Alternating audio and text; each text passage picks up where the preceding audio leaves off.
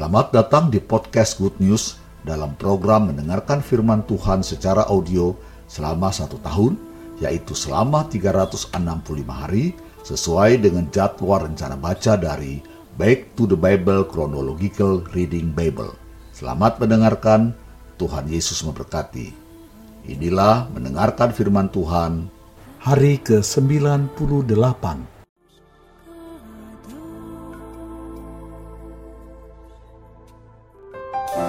1 Samuel pasal 1 ayat 1 sampai 28. Lahirnya Samuel. Ada seorang laki-laki dari Ramataim Zofim dari pegunungan Efraim namanya Elkana bin Yeroham bin Elihu bin Tohu bin Suf seorang Efraim. Orang ini mempunyai dua istri, yang seorang bernama Hana dan yang lain bernama Penina. Penina mempunyai anak, tetapi Hana tidak. Orang itu dari tahun ke tahun pergi meninggalkan kotanya untuk sujud menyembah dan mempersembahkan korban kepada Tuhan semesta alam di Silo. Di sana yang menjadi imam Tuhan ialah kedua anak Eli, Hofni dan Pinehas. Pada hari Elkana mempersembahkan korban, diberikannyalah kepada Penina istrinya dan kepada semua anaknya yang laki-laki dan perempuan masing-masing sebagian. Meskipun ia mengasihi Hana, ia memberikan kepada Hana hanya satu bagian, sebab Tuhan telah menutup kandungannya. Tetapi madunya selalu menyakiti hatinya supaya ia gusar, karena Tuhan telah menutup kandungannya. Demikianlah terjadi dari tahun ke tahun. Setiap kali Hana pergi ke rumah Tuhan, Penina menyakiti hati Hana, sehingga ia menangis dan tidak mau makan. Lalu Elkana suaminya berkata kepadanya, Hana, mengapa engkau menangis? Dan mengapa engkau tidak mau makan? Mengapa hatimu sedih? Bukankah aku lebih berharga bagimu daripada sepuluh anak laki-laki? Pada suatu kali, setelah mereka habis makan dan minum di Silo, berdirilah Hana, sedang Imam Eli duduk di kursi dekat tiang pintu bait suci Tuhan. Dan dengan hati pedih, ia berdoa kepada Tuhan sambil menangis terseduh-seduh. Kemudian bernasarlah ia katanya, Tuhan semesta alam, jika sungguh-sungguh engkau memperhatikan sengsara hambamu ini, dan mengingat kepadaku dan tidak melupakan hambamu ini, tetapi memberikan kepada hambamu ini seorang anak laki-laki, maka aku akan memberikan dia kepada Tuhan untuk seumur hidupnya, dan pisau cukur tidak akan menyentuh kepalanya. Ketika perempuan itu terus-menerus berdoa di hadapan Tuhan, maka Eli mengamat-amati mulut perempuan itu. Dan karena Hana berkata-kata dalam hatinya dan hanya bibirnya saja bergerak-gerak, tetapi suaranya tidak kedengaran, maka Eli menyangka perempuan itu mabuk. Lalu kata Eli kepadanya, Berapa lama lagi engkau berlaku sebagai orang mabuk? Lepaskanlah dirimu daripada mabukmu. Tetapi Hana menjawab, Bukan tuanku, aku seorang perempuan yang sangat bersusah hati anggur ataupun minuman yang memabukkan tidak kuminum, melainkan aku mencurahkan isi hatiku di hadapan Tuhan. Janganlah anggap hambamu ini seorang perempuan dursila, sebab karena besarnya cemas dan sakit hati, aku berbicara demikian lama. Jawab Eli, pergilah dengan selamat, dan Allah Israel akan memberikan kepadamu apa yang kau minta daripadanya. Sesudah itu berkatalah perempuan itu, biarlah hambamu ini mendapat belas kasihan daripadamu Lalu keluarlah perempuan itu. Ia mau makan dan mukanya tidak muram lagi. Keesokan harinya, bangunlah mereka itu pagi-pagi, lalu sujud menyembah di hadapan Tuhan. Kemudian pulanglah mereka ke rumahnya di Rama. Ketika Elkana bersetubuh dengan Hana istrinya, Tuhan ingat kepadanya. Maka setahun kemudian mengandunglah Hana dan melahirkan seorang anak laki-laki. Ia menamai anak itu Samuel sebab katanya, "Aku telah memintanya daripada Tuhan." Elkana, laki-laki itu, pergi dengan seisi rumahnya mempersembahkan korban sembelihan tahunan dan korban nazarnya kepada Tuhan. Tetapi Hana tidak ikut pergi, sebab katanya kepada suaminya, "Nanti apabila anak itu cerai susu, aku akan mengantarkan dia." maka ia akan menghadap kehadirat Tuhan dan tinggal di sana seumur hidupnya. Kemudian Elkana suaminya itu berkata kepadanya, Perbuatlah apa yang kau pandang baik, tinggallah sampai engkau menyapih dia. hanya Tuhan kiranya menepati janjinya. Jadi tinggallah perempuan itu dan menyusui anaknya sampai di sapinya. Setelah perempuan itu menyapi anaknya, dibawanyalah dia dengan seekor lembu jantan yang berumur tiga tahun, satu eva tepung, dan sebuyung anggur, lalu diantarkannya ke dalam rumah Tuhan di Silo. Waktu itu masih kecil betul kanak-kanak itu. Setelah mereka menyembelih lembu, mereka mengantarkan kanak-kanak itu kepada Eli. Lalu kata perempuan itu, Mohon bicara tuanku, demi tuanku hidup. Akulah perempuan yang dahulu berdiri di sini dekat tuanku untuk berdoa kepada Tuhan. Untuk mendapatkan anak inilah aku berdoa, dan Tuhan telah memberikan kepadaku apa yang kuminta daripadanya. Maka aku pun menyerahkannya kepada Tuhan. Seumur hidup, terserahlah ia kiranya kepada Tuhan. Lalu sujudlah mereka di sana menyembah kepada Tuhan. 1 Samuel pasal 2 ayat 1 sampai 10. Puji-pujian Hana. Lalu berdoalah Hana katanya, Hatiku bersukaria karena Tuhan, tanduk kekuatanku ditinggikan oleh Tuhan. Mulutku mencemoohkan musuhku, sebab aku bersuka cita karena pertolonganmu. Tidak ada yang kudus seperti Tuhan, sebab tidak ada yang lain kecuali Engkau, dan tidak ada gunung batu seperti Allah kita. Janganlah kamu selalu berkata sombong, janganlah caci maki keluar dari mulutmu, karena Tuhan itu Allah yang Maha Tahu, dan oleh Dia perbuatan-perbuatan diuji. Busur pada pahlawan telah patah, tetapi orang-orang yang terhuyung-huyung pinggangnya berikatkan kekuatan.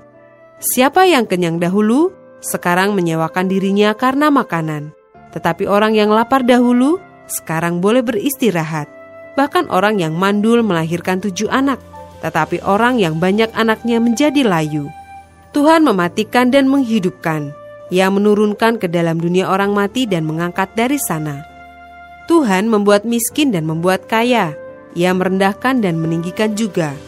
Ia menegakkan orang yang hina dari dalam debu dan mengangkat orang yang miskin dari lumpur, untuk mendudukan dia bersama-sama dengan para bangsawan, dan membuat dia memiliki kursi kehormatan. Sebab Tuhan mempunyai alas bumi, dan di atasnya ia menaruh daratan. Langkah kaki orang-orang yang dikasihinya dilindunginya, tetapi orang-orang fasik akan mati binasa dalam kegelapan. Sebab bukan oleh karena kekuatannya sendiri seseorang berkuasa. Orang yang berbantah dengan Tuhan akan dihancurkan, Atas mereka ia mengguntur di langit. Tuhan mengadili bumi sampai ke ujung-ujungnya.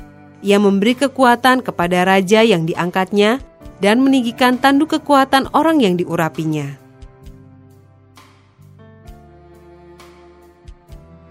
Ayat 11 sampai 26.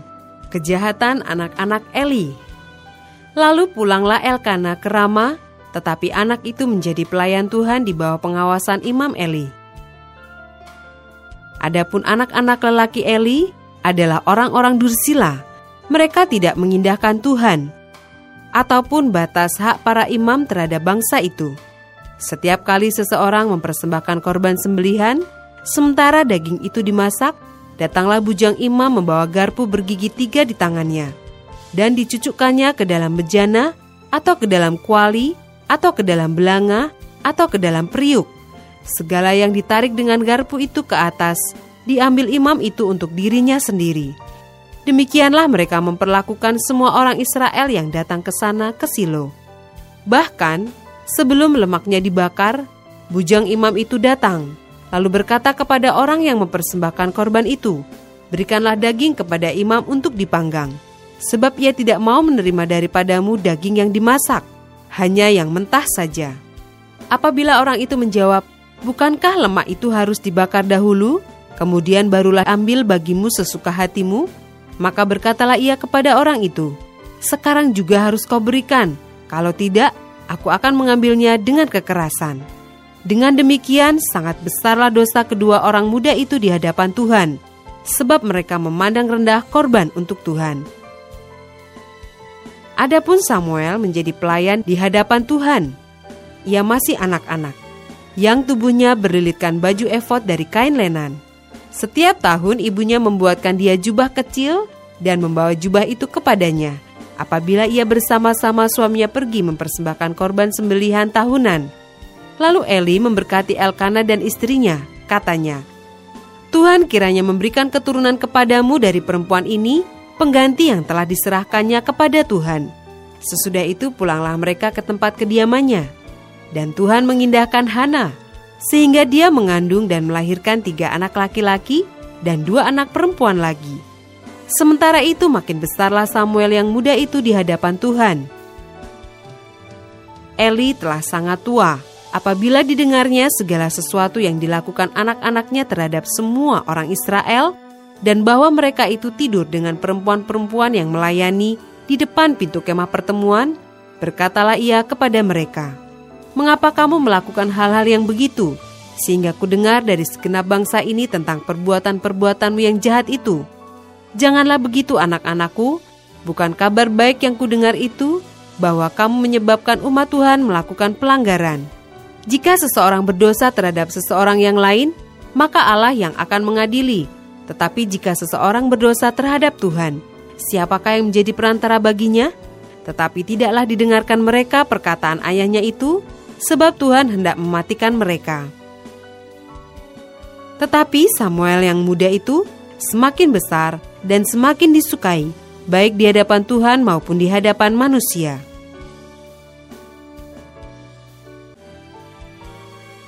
Ayat 27 sampai 36.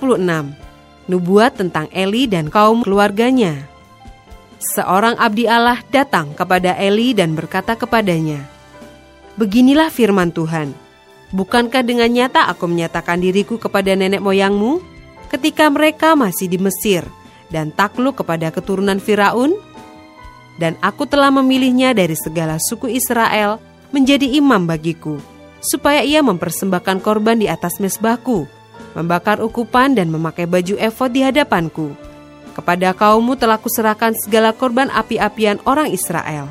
Mengapa engkau memandang dengan loba kepada korban sembelihanku dan korban sajianku yang telah kuperintahkan? Dan mengapa engkau menghormati anak-anakmu lebih daripadaku?'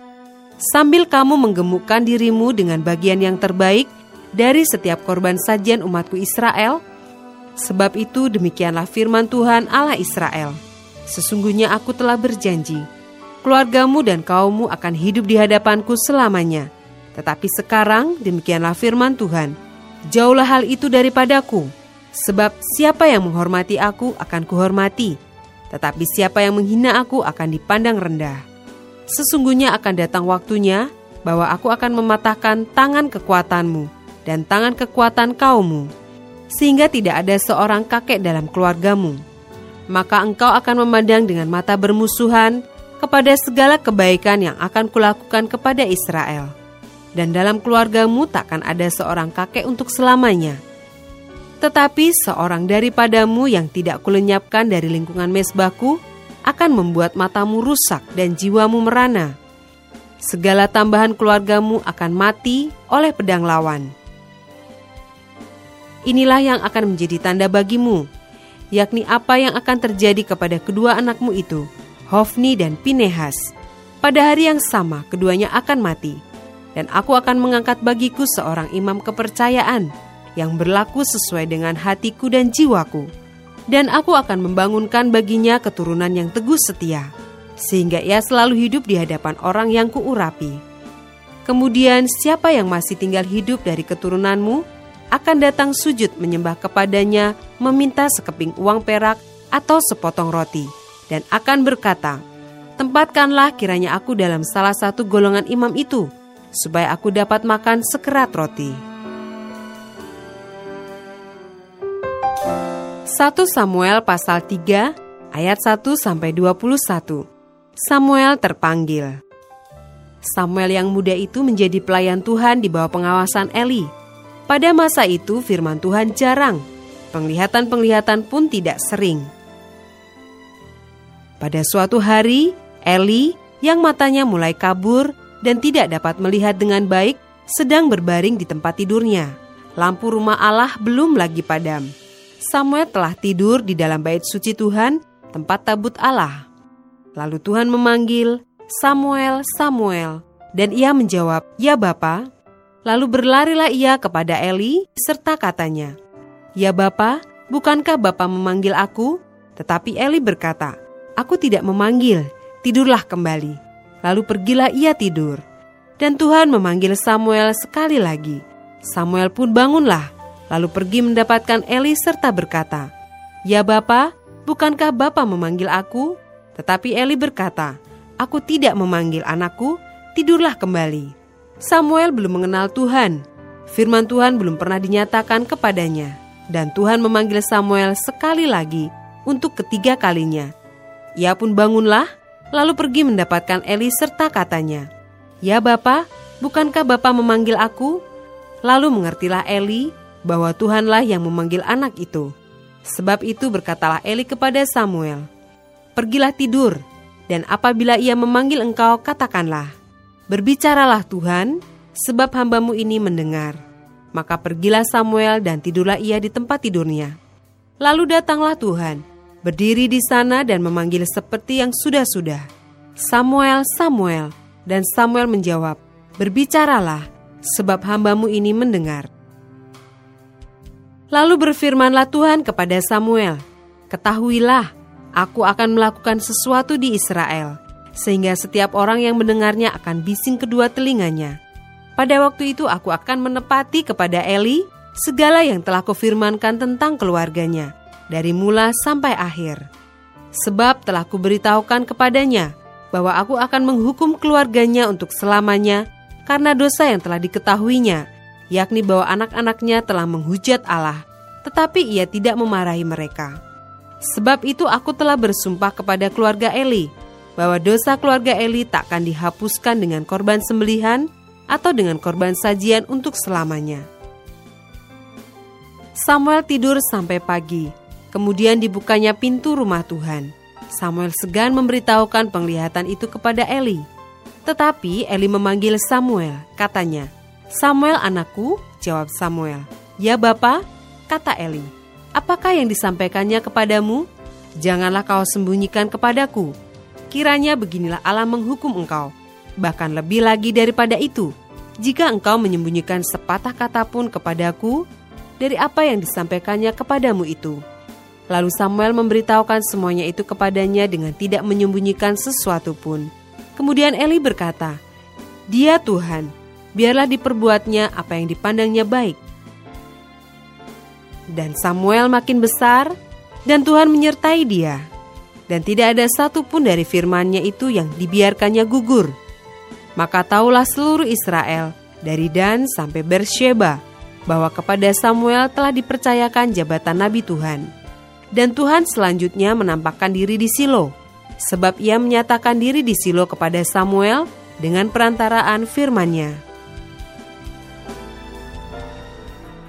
Selamat, saudara sudah mendengarkan firman Tuhan hari ini. Sampai jumpa esok.